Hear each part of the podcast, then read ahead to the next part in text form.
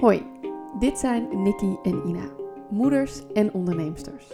Vanuit onze eigen ervaringen en werk zijn we veel bezig met alles rondom zwangerschap, moederschap en het leven.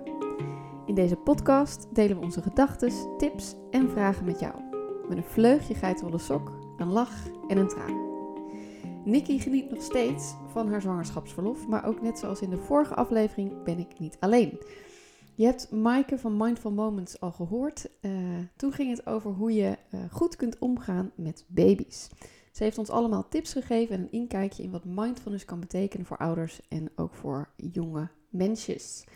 En in deze uh, tweede aflevering praat ik opnieuw met Maaike, maar nu hebben we het over peuters. Persoonlijk kijk ik heel erg uit naar dit gesprek, want ik kan alle tips meteen toepassen op mijn eigen dochter. En een paar onderwerpen uh, die we vandaag gaan bespreken, zijn ook onderwerpen die ik uh, heel erg veel hoor bij andere ouders van peuters, namelijk eten, driftbuien en grenzen stellen. Dat zijn uh, belangrijke thema's. Voor de luisteraars die uh, de vorige aflevering gemist hebben of geen baby meer hebben, maar deze aflevering wel interessant vinden. Maaike, kun je jezelf even kort voorstellen, ons vertellen wie je bent en wat je doet? Ja, natuurlijk. Leuk dat je me hebt uitgenodigd. Ik ben Maaike van Mindful Moments en ik ben allereerst zelf ook moeder. Maar daarnaast ben ik ook pedagoge en mindfulness trainer. En wat ik eigenlijk doe, is ik help moeders om uh, ja, die eerste periode, zeg maar de eerste vier jaar van het leven van hun kindje, uh, gemakkelijker te maken. Dus meer rust, meer zelfvertrouwen voor moeders, minder stress. Oké, mooi. We hebben natuurlijk even voorbesproken wat we in deze aflevering uh, aan bod zouden brengen. En jij noemde als een van de eerste dingen eten, omdat je daar heel veel vragen over krijgt. Uh, mijn eigen dochter eet alles wat los en vast zit, dus ik prijs me gelukkig tot nu toe. Um, maar iedereen, uh, ouders met oudere kinderen zeggen ook altijd: ja, maar het kan ook zo weer gedaan zijn met het goede eten. En ik zie en hoor ook wel heel veel andere kinderen dat het moeilijke eters zijn. Kun jij iets vertellen over wat goed eten is voor een kind en hoe je daarmee om kunt gaan? Ja, ja dat kan ik zeker. Nou, is goed eten, dat is in die zin wel, uh, daar is natuurlijk zoveel over geschreven. En uh, er zijn vooral steeds meer restricties, valt me op. Je mag geen suiker, je mag geen gluten, geen vlees, geen tarwe, geen... Nou, zo kan ik het rijtje wel afmaken. Uh, ze mogen tegenwoordig steeds minder. Um, en nou kan ik vanuit de mindfulness niet direct antwoord daarop geven wat ze mogen eten. Want mindfulness is eigenlijk geen oordeel. Mindfulness betekent opmerkzaam zijn van wat er nu is. Um, dus dat gaat meer over het gedrag van het kindje. Maar als we echt kijken naar, uh, als pedagoog kan ik natuurlijk wel tips geven. En mijn advies zou zijn, alles met mate. Een heel gevarieerd voedingspatroon en vooral niet extreem. Uh, want kinderen die zitten nog in de groei. Dus zij hebben echt andere dingen nodig dan wij. Dus wat goed werkt voor jou, dat werkt niet per se goed voor je kindje. Um, en dat, Kun je daar een voorbeeld van geven? Ja, een voorbeeld daarvan is, uh, um, wij hebben tegenwoordig toch best wel het idee dat misschien brood niet zo goed is voor je. Want uh, mensen kunnen ofwel niet tegen gluten of tegen tarwe. Um, en dat heb ik zelf ook. Ik heb ook een glutenintolerantie. En voor mij was het in het begin best wel even zoeken van oeh, kan mijn zoontje er dan wat tegen? Is dat dan wel goed? En dat heb ik echt moeten loslaten. En daar komt dan wel weer een stukje mindfulness bij kijken. Van hé, hey, hoe kun je daar nou um, van een afstandje eigenlijk naar kijken en kunnen bedenken van hé, hey, mijn kindje is niet mij. Dus de enige manier om erachter te komen of hij dat ook had, was dat toch gaan proberen. Ook al vond ik dat spannend, omdat ik dat zelf niet mag eten. Um, en ik kwam tot de conclusie dat dat bij hem eigenlijk prima gaat. En ik denk ook dat dat juist iets als brood iets is wat kinderen echt nodig hebben. Er zitten heel veel goede stoffen in, bouwstoffen, die je kindje kunnen helpen om uh, uh, volwaardig te ontwikkelen. Uh, dus ook al schrap je dat zelf helemaal uit je uh, dieet en hoeft dat helemaal geen kwaad te kunnen, ik zou daar met kinderen toch echt mee uitkijken wat je allemaal schrapt. Ja, en misschien wat je net zelf ook al zei, hè, dat je eigenlijk alles met mate doet. Ja. Dus dat je in plaats van misschien s ochtends en s middags zeg maar twee keer een broodmaaltijd, uh, dat je misschien één keer een broodmaaltijd doet per dag in Precies. plaats van twee. Ja, nou ja, en dat is inderdaad wel, wel belangrijk dat je dat zegt. Zeker omdat kinderen bijna alle kinderen hebben een voorkeur. En misschien heeft jouw dochtertje dat niet hoor, want die eet heel goed. Maar de meeste kinderen zijn ofwel broodkinderen, noem ik het maar, of avondetenkinderen. En kinderen die heel graag gevarieerd eten, avondeten, die hebben soms wat moeite met brood eten. Maar je hebt dus ook kinderen die vinden brood heel erg lekker. En het gevaar bestaat dan dat je dan denkt, nou dan geef ik maar gewoon drie keer per dag brood. Dan eet mijn kindje tenminste iets. Ja, dat is natuurlijk niet heel gevarieerd. Dus dan is het wel raadzaam om toch te gaan kijken van, goh, kun je bijvoorbeeld één maaltijd het ontbijt vervangen door havermoutpap. zodat het weer iets anders binnenkrijgt? Uh, of kan ik misschien smiddags warm gaan geven? Nou, zo kun je daar een beetje mee spelen. Ja, en hoe, ehm, want je zei het net al, hè, sommige kinderen hebben een hele sterke voorkeur. Ja. Stel nou dat ze die voorkeur hebben, maar jij wilt toch graag dat ze iets gevarieerder gaan eten. Hoe ga je daar dan mee om? Ja, en dan komt mindfulness zeker om de hoek kijken. En um, ik, ik hoor dat veel om me heen. En ik zag dat ook bij mijn eigen zoontje, want die at dus ook alles in het begin. Tot hij van de een op de andere dag besloot dat hij niks meer wilde eten. Alleen boterhammen met pindakaas en twee soorten fruit. Dat was alles wat hij nog naar binnen werkte. Nou, en in het begin dacht ik, ik ga het gewoon eens aankijken. En nou, ik denk dat ik dat een maandje heb gedaan. En toen dacht nee, het voelt voor mij toch niet goed. Ik heb het idee dat hij meer nodig heeft dan waar hij nu zelf om vraagt. Uh, dus toen ben ik daar toch mee gaan uh, experimenteren. En wat daarbij echt belangrijk is, is dat je op het moment dat je kind wat weigert of uh, iets niet wil eten, um, is ga het niet dwingen. Ga het niet in, in je kindjes mond proppen. Dan krijgt een kind alleen maar een aversie, negatieve ervaringen ermee. En wordt eten gedurende zijn leven alleen maar meer een issue en alleen maar meer lastig. Maar dat brengt me eigenlijk wel meteen een beetje bij onze tweede vraag bij. Wat doe je dan als je kind eten weigert? Want stel je voor, je, je geeft het zelf aan, mijn kind wil alleen maar dit eten, maar jij wil iets anders. Hoe doe je dat dan als je kind echt weigert? ja, nou ja, als ik kijk naar mijn persoonlijke ervaring, ik dacht ik moet hier een beetje creatief mee zijn. Want ja, mijn kind heeft toch ook wel iets van vitamintjes nodig. Hij al bijvoorbeeld het eerste, nou nee, van zijn eerste tot zijn tweede verjaardag heeft hij gewoon geen vlees willen eten. Nou ja, dan mist een kind toch best wel wat eiwitten als je dat niet voldoende aanvult. Dus dan moet je echt gaan kijken van, goh, als hij dan geen vlees wil eten, wat heeft mijn kindje dan nodig? En dat kun je best een beetje creatief oplossen. En waar ik uiteindelijk voor heb gekozen bij mijn zoontje bijvoorbeeld, is heel voorzichtig fruithapjes gegeven. En langzaam groentehapjes. En dan daarna gevarieerde potjes. Met als idee, en ik had altijd gezegd, mijn kind krijgt nooit potjes. Gewoon gevarieerd eten met de pot mee. Hè? Maar ja, kinderen die, die doen nou eenmaal niet altijd wat wij van tevoren willen en verwachten. Uh, dus dan kan je daar creatief mee omgaan. En mijn ervaring is ook dat op het moment dat je de situatie verandert, de omgeving verandert, dat dat ervoor zorgt dat, dat kinderen ineens toch weer dingen gaan eten. Zo heeft mijn zoontje. Kun je daar ook een voorbeeld van geven van hoe je dan die omgeving verandert? Nou ja, wat je bijvoorbeeld zou kunnen kijken is wat gebeurt er als uh, je kindje bij opa en oma eet en jij bent er niet bij. En dan ineens zie je, hé, hey, bij opa en oma eet hij wel gewoon zijn hele bord leeg. Dan kun je dus bedenken van, hmm, wat is er dan bij ons thuis? Wat hem eraan herinnert dat hij steeds niet eet. Um, en dan kun je kijken van, goh, is het gezellig bij ons aan tafel? Eten we met z'n allen of moet hij even snel tussendoor eten? Daar zijn best wel wat dingen die ervoor kunnen zorgen dat je kindje denkt, hm, ik heb hier geen zin in, ik ga niet eten. Um, dus, dus dan is het in die zin ook wat meer kijken naar verder dan alleen het eten. Want vaak fixeren wij ons zo op het eten zelf. Dat moet nu naar binnen, want dat heeft mijn kindje nodig. Anders dan wordt ze te dun, valt ze af, gaat het niet goed. Dat soort angsten hebben ouders echt. En dat kan ook heel reëel zijn. Maar tegelijkertijd, die tunnelvisie uh, maakt wel dat, dat, dat, dat de oplossingen steeds minder worden. Snap je wat ik bedoel? Uh, dan zien we alleen nog maar, dit is wat we per se willen. En dan kunnen we niet meer creatief nadenken daarover. Um, en dan helpt het heel erg om juist wat afstand te nemen van de situatie. En te denken, hé, hey, maar wat zou ik nou anders kunnen doen om ervoor te zorgen dat mijn kindje wel weer gaat eten? En stel nou dat je kind dan nog steeds niet wil eten. Je bent, je bent creatief, maar je kind weigert en het resulteert in een driftbui. Hoe ga je daarmee om? Um, met de driftbui of met het niet eten? Nou, ik kan me voorstellen dat als je kind wel het gevoel heeft dat er toch een, een bepaalde mate van dwang ook komt hè, met dat eten, Um, dat dat dan resulteert in een driftbui. Ja, ja, dat zeker. Nou, ik zou denk ik naar binnen gaan bij mezelf. Dat heb ik ook gedaan toen. Uh, en eens kijken van, hé, hey, maar wat is het in mij dat ik het zo belangrijk vind? En vaak hebben wij hele diepe overtuigingen. Ik had bijvoorbeeld de overtuiging, mijn kindje moet gevarieerd eten om een gezond persoon te zijn. En daardoor zag ik hem helemaal niet meer. Hij was eigenlijk een heel gezond jongetje. Had op dat moment misschien wat minder nodig. Ik heb geen idee. Maar door mij zo vast te zetten in mijn eigen overtuiging. Nou, wat ik net al zei. Potjes is onzin. Gewoon gevarieerd met de pot mee. Ik, ik had daar best wel ideeën over. En dat zette mij heel erg vast in mijn denken. Dus in plaats van me te concentreren op hem. Ben ik me gaan concentreren op mezelf. En eens gaan kijken van, hé, hey, mm. wat voor overtuiging heb ik eigenlijk? Waardoor hij misschien wel slechter eet. Hoe kan ik dingen bij mezelf veranderen? En soms komt het ook botweg neer op accepteren: dit is een fase waarin mijn kindje veel minder eet. Maar dat is ook goed. Hij heeft het nu niet per se nodig. Hoe doe je dat eh, als je kind huilend op de grond van de supermarkt ligt of aan het drammen is eh, om een koekje. Ja, oh ja, dat eh, herken ik ook. Dat huilend op de grond van de supermarkt liggen. Nou ja, op dat moment zelf.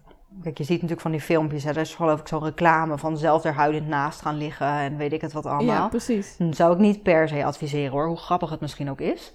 Maar wat je bijvoorbeeld wel kunt doen, is niet meegaan in zijn driftbui. Ik denk dat dat mijn belangrijkste advies is bij driftbuien. Ga er niet in mee. En wat ik daarmee bedoel is dus niet zozeer hysterisch op de grond liggen en meedoen. Maar wat wij vaak wel doen is, in plaats van dat wij onze kalmte bewaren en hun daarin meenemen, gaan wij mee in hun hysterie. Jongens, nou is het klaar. Ik, ik wil dit niet meer. Kom op, het is genoeg. Dat hoor je ouders dan. En ouders worden steeds onrustiger en gestrester van binnen.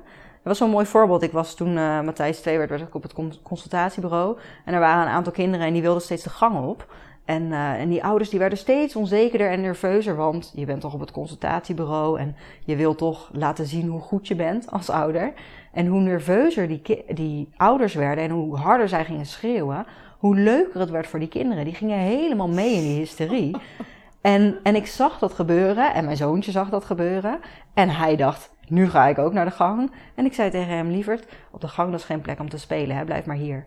En mijn zoontje luisterde. En echt niet omdat ik een betere moeder ben, maar omdat ik ten eerste verwacht dat hij luistert. En ten tweede omdat ik niet meega in zijn hysterische gedrag. Natuurlijk gedraagt hij zich ook wel eens hysterisch. Hij is een kind van twee. Maar dat laat ik dan gewoon. En dan zeg ik ook, nou, mama ziet dat je heel erg boos bent, dat is ook oké. En soms als hij heel boos is, dan heeft hij echt ruimte nodig. Dan geef ik hem ook die ruimte. En daar zijn wij moeders vaak niet zo goed in, hè? want we willen er bovenop, want het moet opgelost worden. Maar hé, hey, vaak als we juist een stap terugzetten, is er ruimte voor je kindje, kan die zelf die ruimte ervaren en ook ervaren van hé, hey, die lastige emoties die allemaal in mij gebeuren, waar ik me geen raad mee weet, die gaan weer voorbij en die zijn misschien allemaal niet zo heftig als ik in eerste instantie dacht. Dat is ook een mooie les voor je kind. Ja.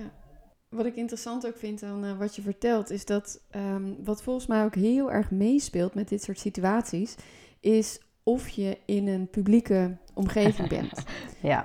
Als je in de supermarkt bent, inderdaad bij het consultatiebureau, wat je net omschrijft, dan voel je als ouder de blik van de andere volwassenen om je heen. Wat heel anders is dan wanneer je thuis alleen bent met je kind in een veilige omgeving. Hoe ga je daarmee om? Heb je daar tips voor? Ja, nou daarbij heb ik met name, dat vertel ik altijd moeders die hier komen, ook bijvoorbeeld voor de babymassage. Alle moeders die naar babymassage gaan zijn ook altijd bang. Stel je voor dat mijn kind iets doet. Je staat in de supermarkt, je denkt, stel je voor dat mijn kind iets doet. En dan zeg ik altijd lieverd, al die andere ouders om je heen, die denken vooral, gelukkig is het deze keer niet mijn kind. Phew. Die zijn allemaal bezig met zichzelf. En natuurlijk zal er misschien eens een ouder zijn die mij ziet en denkt: Jeetje, heb jij je gedrag van je kind niet in je hand? En mijn antwoord erop is nee. Als ouder heb je het gedrag van je kind niet altijd in de hand. Dat is echt een illusie dat je daar controle over hebt. Maar je eigen gedrag, hoe jij ermee omgaat, dat heb je als ouder in de hand. Dus focus je daarop. Zorg dat jij rustig blijft. Zorg dat jij de volwassene blijft en er niet in meegaat. En dan is het gewoon even wat het is hoe vervelend het ook is, dan moet je dat ook maar ervaren van, goh, wat gebeurt er eigenlijk in mij als er heel veel mensen om mij heen zitten te kijken? Nou, persoonlijk voel ik me daar soms knap ongemakkelijk bij. Maar dat is ook weer iets waar ik mee kan dealen als persoon. Door te kijken van, goh, welke gevoelens komen er dan in mij boven? Welke gedachten, welke overtuigingen liggen daaronder? Dus dan ga ik letterlijk op onderzoek uit in mezelf van, goh, wat gebeurt er nu eigenlijk? In plaats van mijn zoontje de schuld geven van mijn ongemakkelijkheid. Hmm. Nou, klinkt als, uh, klinkt als huiswerk. ja, leuk hè? ja. Houd je bezig. Dus, uh, misschien uh, moeten we even wat luchtigs, luchtigs ook erin gooien, namelijk onze biecht. Ja. Um, wil jij deze keer beginnen met jouw biecht? is die van jezelf of van iemand die je kent? Ja, hij is van mezelf. Nou, en dat gaat juist, en dat is wel mooi, want deze had ik van tevoren al bedacht, maar het gaat precies over wat jij net zegt: de blik van andere ouders. Ik was net begonnen, een jaar geleden, met Mindful Moments. En nou, ik was daar best onzeker over. En ik had ineens ook het idee, want ik ging allemaal dingen posten op social media, dat iedereen dus meekeek naar mij als ouder. En ik had een soort angst van, dan lezen ze al die geweldige berichten over mij. En als ze me dan zien, denken ze, nou, zo geweldig doet Mike het allemaal niet.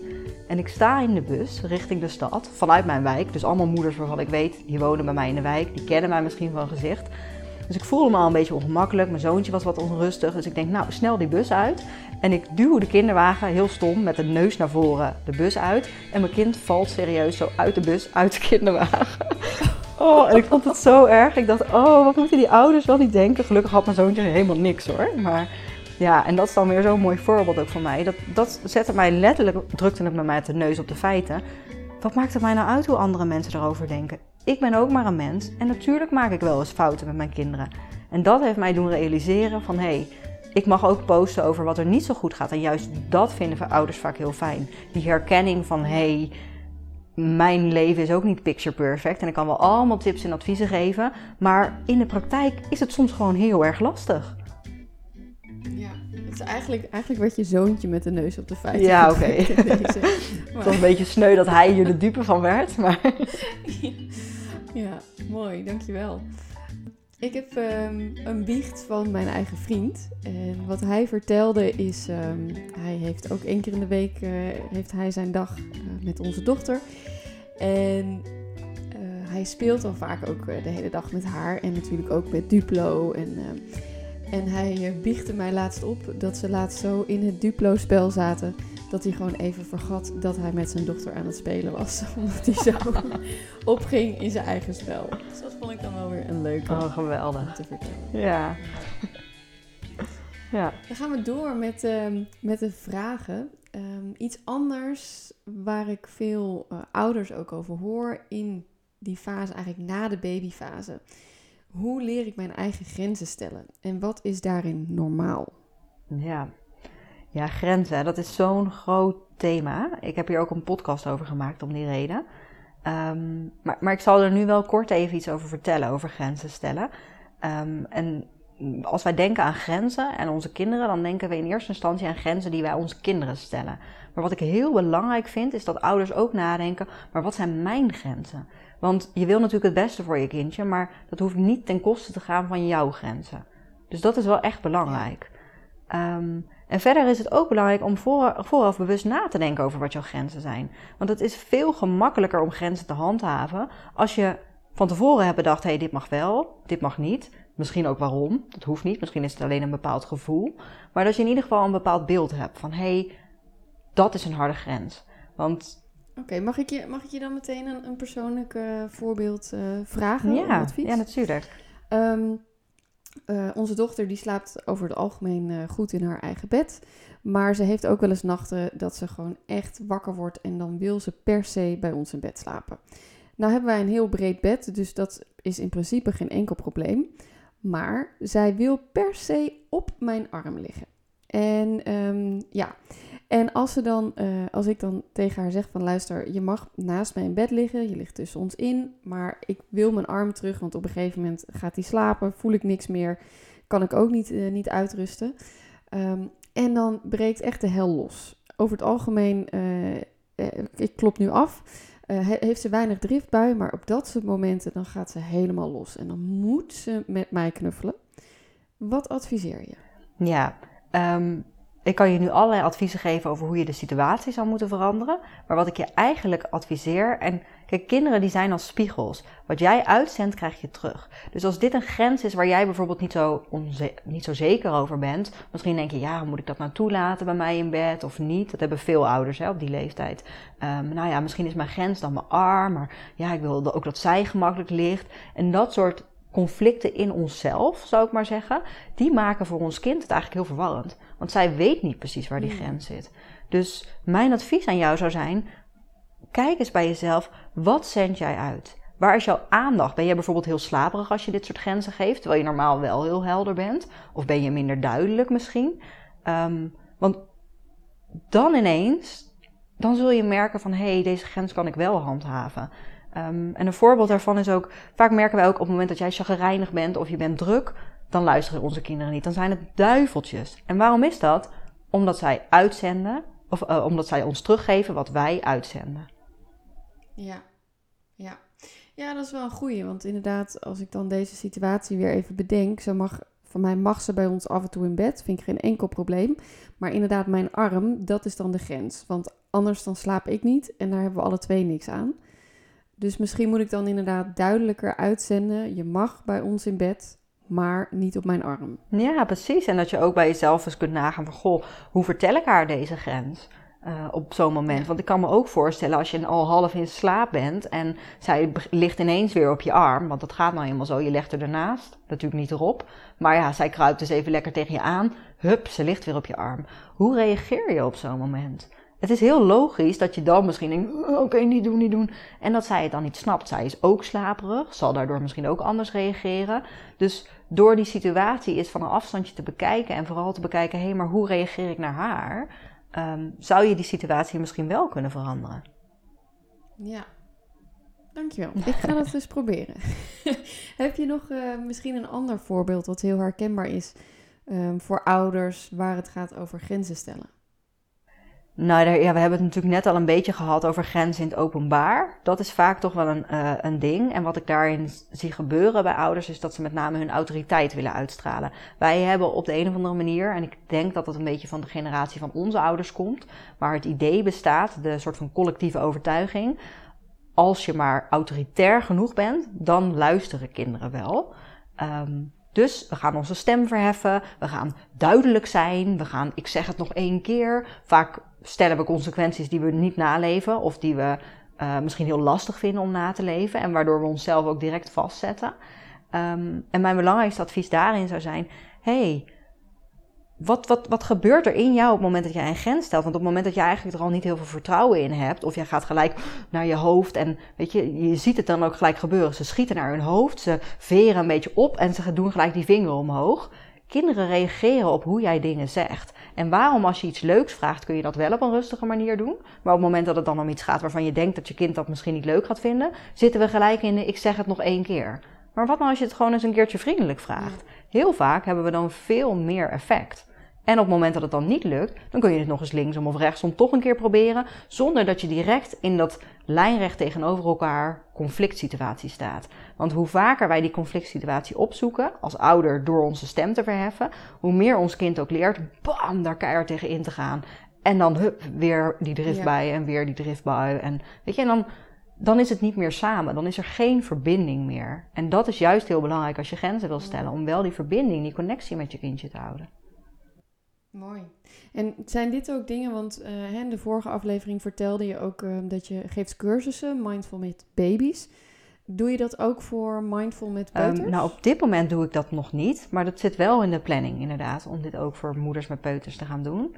Um, ik ben toen begonnen vanuit die opleiding Mindful met je baby en ik merk dat ik dat prachtig vind, maar ik merk tegelijkertijd ook dat um, daar waar die eerste fase heel heftig is, dat juist die peuterfase ook weer hele andere dingen naar boven brengt bij ouders, um, waar ze ook best hulp bij kunnen gebruiken. Um, alleen dat zal ik wel iets anders moeten insteken. Want wat we doen bij de Mindful met je baby is, je zit met moeders en baby's, of soms doe ik het ook individueel. Maar het idee is in ieder geval dat wij ook gaan praten over de situatie en over je kindje. En dat moet wel echt anders op het moment dat het peuters zijn. Want peuters die begrijpen jou gewoon.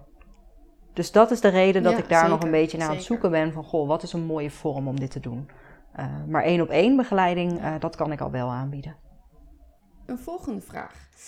Ook weer uh, uit, mijn eigen, uit mijn eigen ervaring. Ehm, mijn dochter die kan heel erg goed met andere kinderen spelen. Dat, dat begint ook steeds meer te ontwikkelen. Wat ze lastig vindt, is dat als ze thuis zijn, het alleen spelen. Kan ik ervoor zorgen dat ze dat wat meer gaat doen. Zodat ik af en toe ook eventjes drie minuten voor mezelf ja. heb. Ja, dat kan zeker. En dat vinden we vaak heel lastig. En als ik kijk naar de moeders die er komen, dan vinden we dat vaak bij ons eerste kind, of ons enige kind, ook het lastigst. Want we komen uit die babyfase waar ik de vorige keer iets over heb verteld. Je komt in een rollercoaster van emoties en wij hebben het onbewuste idee: ik ben verantwoordelijk voor het geluk van mijn kindje. En dat begint met natje, droogje en vooral niet huilen. Maar een kind ontwikkelt zich natuurlijk heel subtiel, steeds een beetje. Dus die gaat steeds meer spelen. En veel moeders zitten dan echt op het puntje van hun stoel. Want mijn kindje moet vermaakt worden. Mijn kindje moet tevreden zijn. En ook daarin is het weer, wat jij uitstraalt, krijg je terug. Op het moment dat jouw kindje merkt van, hé, hey, mama is altijd beschikbaar, dan gaat ze er dus ook jaren later nog steeds van uit dat dat zo is. Dus daarin mag je echt bewust je eigen grens, daar is die weer, mag je aangeven. En ook dat hoeft niet boos, je hoeft je kind niet op de gang te zetten, je hoeft er niet driftig over te worden. Maar je kunt wel gewoon zeggen, wat ik bijvoorbeeld doe bij mijn zoontjes, dan zeg ik nou lieverd, um, mama wil nu graag een boekje lezen, dus jij mag even zelf spelen. En op het moment dat ik merk dat hij dat lastig vindt, want dat vinden kinderen vaak lastig, dan zou mijn advies nog kunnen zijn van ehm, speel even 10 minuutjes samen. Dan zit je kindje in het spel en dan is het vaak makkelijker om het op te pikken. Dus dat zou je nog kunnen doen, zeg maar. Ehm, en iets, iets anders wat je daar ook nog bij zou kunnen doen is even weer teruggaan naar jezelf. Hoe speel jij met je kindje als je samen speelt? Want wat me opvalt bij veel ouders is, ze zijn echt letterlijk een kindje aan het vermaken. Dus het is, oh kijk eens wat dit is en wat is dat en zie je dit en hier kunnen we zus mee.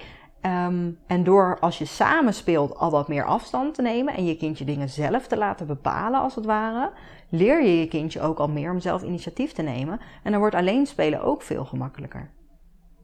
Nou, dat laatste zit, uh, zit bij mijn dochter wel goed, want die vertelt me heel duidelijk wat ik dan allemaal precies moet doen als we Ja, dus die kan dat eigenlijk al heel goed zelf bedenken wat ze wil en wat ze leuk vindt. Ja, nou dat is in ieder geval een mooie eerste stap. nou, daar ga ik ook uh, weer eens mee experimenteren. Dan heb ik nog een, uh, een laatste vraag. Ook iets wat heel veel ouders in deze fase bezighoudt. Zo tussen de twee en de drie of soms zelfs twee en de vier. Um, en je deelde de laatste tijd ook al wat interessante tips en tricks over op, op social media. Hoe maak ik mijn kind zindelijk?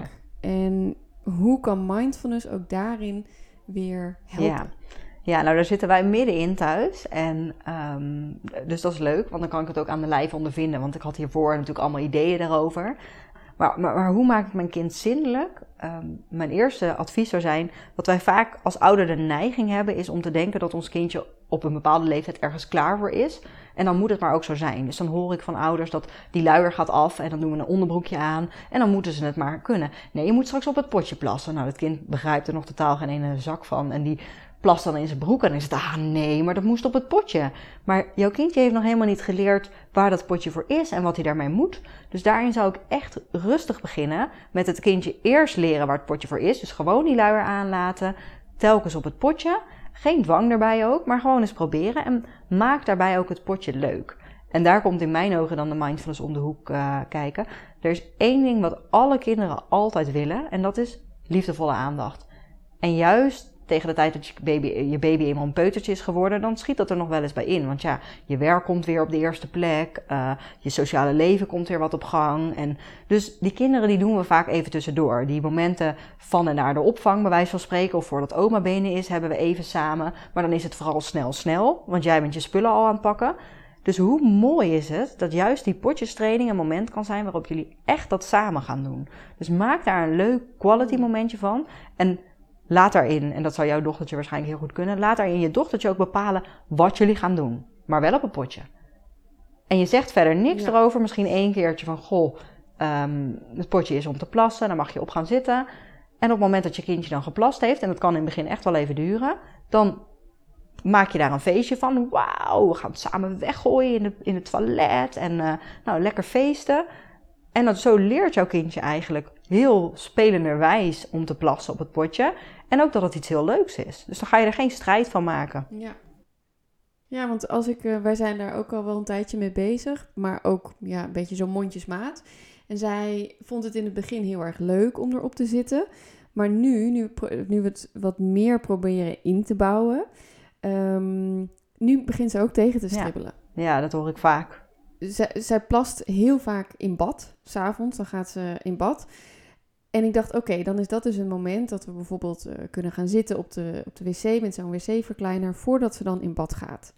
En dat ging twee dagen, ging dat prima. En nu opeens weigert ja. ze. Ja, en wat doe je dan op het moment dat zij uh, uh, op de wc-verkleiner zit?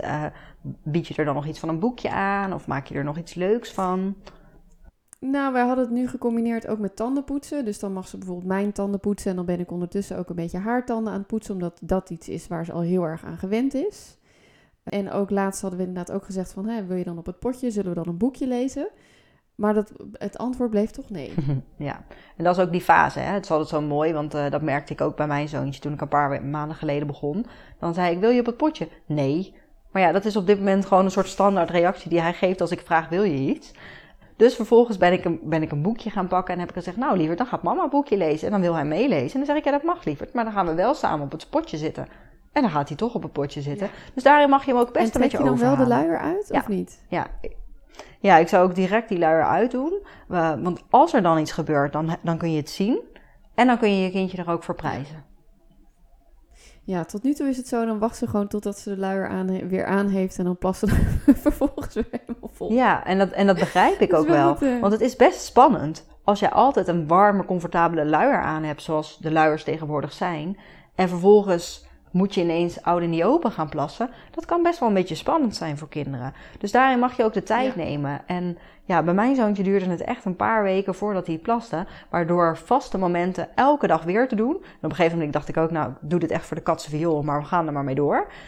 En toen was er opeens een moment, dat was met Sinterklaasavond en nou, het was iets later dan normaal. Dus ik dacht, weet je, deze keer sla ik dat potje lekker over, want hij plast toch nog niet erop. Dus ik dacht, ik leg hem gelijk in bed. En meneertje die trippelt naar het potje en die zegt, nee mama, eerst potje. En die gaat zitten en die plast. En ik dacht, um, excuse me, wat gebeurt er nou? dus zo zie je maar weer. Het is ook voor mij gewoon trial and error. Een beetje proberen. En, uh, en vooral, uh, nou eigenlijk wat ik ook een beetje met het eten zei. Maak het luchtig, maak het leuk. En geef je peuter, want daar zijn ze heel gevoelig voor, ook het gevoel dat zij keuzevrijheid hebben. Dus als jouw kindje steeds nee zegt als hij op een potje moet, dan zou je ook kunnen vragen: Wil je dit boekje of dat boekje lezen op een potje? Ik wil dat boekje lezen op een potje. Mooi, ga maar zitten dan. Ik, uh, ik heb uh, heel veel huiswerk voor de komende tijd. Leuk. Leuk. Heb je nog uh, laatste tips voor onze luisteraars? Nou, dat was eigenlijk wat ik net al een beetje zei. Um, op het moment dat, dat, dat, een peuter, die is heel erg zijn eigen willetje aan het ontdekken eigenlijk. Um, uh, zijn eigen autonomie. En dat is iets wat, wat wij vaak zien als iets heel lastigs, hè? Als ouders. Um, want dan ineens moeten we daarmee dealen. Maar wat ik eigenlijk zou willen adviseren aan ouders is: kijk eens of je dat ook kunt zien als iets moois. Want je, we willen uiteindelijk allemaal dat ons kindje zelfstandige volwassene wordt, die op zichzelf kan vertrouwen en ook um, uh, op zijn eigen gevoel en dat hij goed zelfverzekerd in het leven staat. En die basis die leg je echt in die peutertijd. Door dan je kindje te helpen en te begeleiden met veel vertrouwen en liefde om die fase zeg maar door te gaan en te ontdekken van hé, hey, ik heb zelfgevoelens, ik heb een eigen wil, hoe kan ik daarmee omgaan?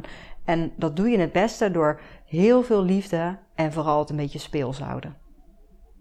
Nou, dat lijkt me mooie laatste tips. Dan gaan we naar eh, de rubriek met eh, nog lees, luister en kijktips. Uh, ik verwijs natuurlijk ook naar jouw eigen website www.mindful-moments.nl. En daar heb je ook een aantal podcasts staan. Je noemde het net zelf al even, onder andere ook met, met grenzen stellen. Dus daar kunnen luisteraars meer informatie vinden. Heb jij nog andere boeken of websites die je aanraadt? Ja, er zijn er wel een aantal. En het gaat nog niet eens zo specifiek over ouderschap. Maar meer om, omdat ik dat juist zo belangrijk vind bij moeders. Is uh, om met zichzelf aan de slag te gaan. Want je kinderen zijn echt jouw grootste spiegel. En op het moment dat jij uh, leert om te vertrouwen op jezelf. En zelf bepaalde prioriteiten te stellen. Dan dat is echt een win-win. Voor jou, je kindje, jullie interactie. Um, dus, dus tips en boeken die ik je daarbij zou aanraden zijn bijvoorbeeld die van Brené Brown. Uh, ik heb net uh, Moed van Imperfectie zelf gelezen. En daarin legt zij heel mooi uit, vind ik, dat het niet allemaal perfect hoeft. En dat het vallen en opstaan is. En uh, dat door jezelf te leren kennen, je ook naar de buitenwereld, en dat is dus ook je kinderen, je op een andere manier in het leven kunt staan. En zij, is heel erg, zij gaat heel erg uit van het wat zij noemt bezield leven. En, uh, en daar geloof ik echt in. En veel van die dingen die ze zegt, die zie ik ook terug in het ouderschap. Dus dat is zeker een aanrader uh, qua boeken. En een ander boek wat ik uh, zou kunnen adviseren aan ouders is het boek van Byron Katie. en Byron Katie die um, heeft The Work bedacht. Um, waarin je met je eigen onderliggende overtuigingen aan de slag kan. Over bepaalde mensen, dingen, gewoonten in je leven. Zodat je eens kunt onderzoeken, klopt het eigenlijk wel wat ik allemaal denk? Of zit de wereld misschien toch iets anders in elkaar? Mooi. En wat ik zelf ook mooi vind aan uh, wat je net vertelde over Brene Brown, want ik heb dat boek uh, een tijd geleden ook gelezen, is dat uh, we inderdaad zo denken vanuit die perfectie en vanuit hoe het eruit moet zien. Terwijl juist als je gaat delen hè, wat er niet perfect gaat en gewoon wat er echt is, wat je zelf ook zo mooi dat voorbeeld gaf van um, in de biecht, dan ga je ook veel meer de verbinding aan met andere mensen. Precies. Ja. Ja. ja, want dat is wat, ik, wat we wel veel doen als ouders. Um, we, we, we uh, willen vooral het perfecte plaatje laten zien naar de buitenwereld. En tegelijkertijd voelen wij ons zo onzeker door de perfecte plaatjes die anderen ons laten zien. En laten we nou vooral eens lief zijn naar elkaar en die verbinding zoeken met andere ouders. En zien, hé, hey, we hebben het allemaal af en toe heel erg lastig. En het is niet makkelijk om een peuter te hebben. Dus laten we elkaar daar vooral in helpen. Ja, en iedereen doet maar wat. Ja, precies. Dat vind ik ook Iedereen altijd zo'n fijne, zo'n fijne affirmatie. Eh, alle ouders het proberen maar wat en we doen allemaal ons best. Ja, dat is Ja. het. En je kan niet meer dan je best doen. En het is gewoon vallen en opstaan. Ja, en heb je nog een laatste, om mee af te sluiten, nog een eh, tegeltjeswijsheid of een affirmatie of een quote? Iets wat je tot slot nog wilt, onze luisteraars wilt delen? Nou, ik heb het al een paar keer gezegd in deze uitzending, maar je, je kind is je spiegel. En ehm, je het gedrag van je kind, daar kan je niks aan doen. Dus kijk of je je eigen gedrag aan kunt passen. Mooi, dankjewel. Wil je nou meer weten en in contact komen met Maaike? Ga dan naar haar website www.mindful-moments.nl. Wil je een postnatale privéles van mij eh, of wil je een biecht delen of misschien zelfs ook in deze uitzending komen? Neem dan contact op met ina@yourorganization.com. Vond je deze aflevering interessant en waardevol? Deel het, abonneer je op onze podcast, eh, laat een review achter of stuur gewoon een mailtje om te vertellen hoe leuk je het vond. En het muziekje dat je nu hoort is van Quinten Keizer. Tot de volgende aflevering. Maaike, dankjewel. Dankjewel.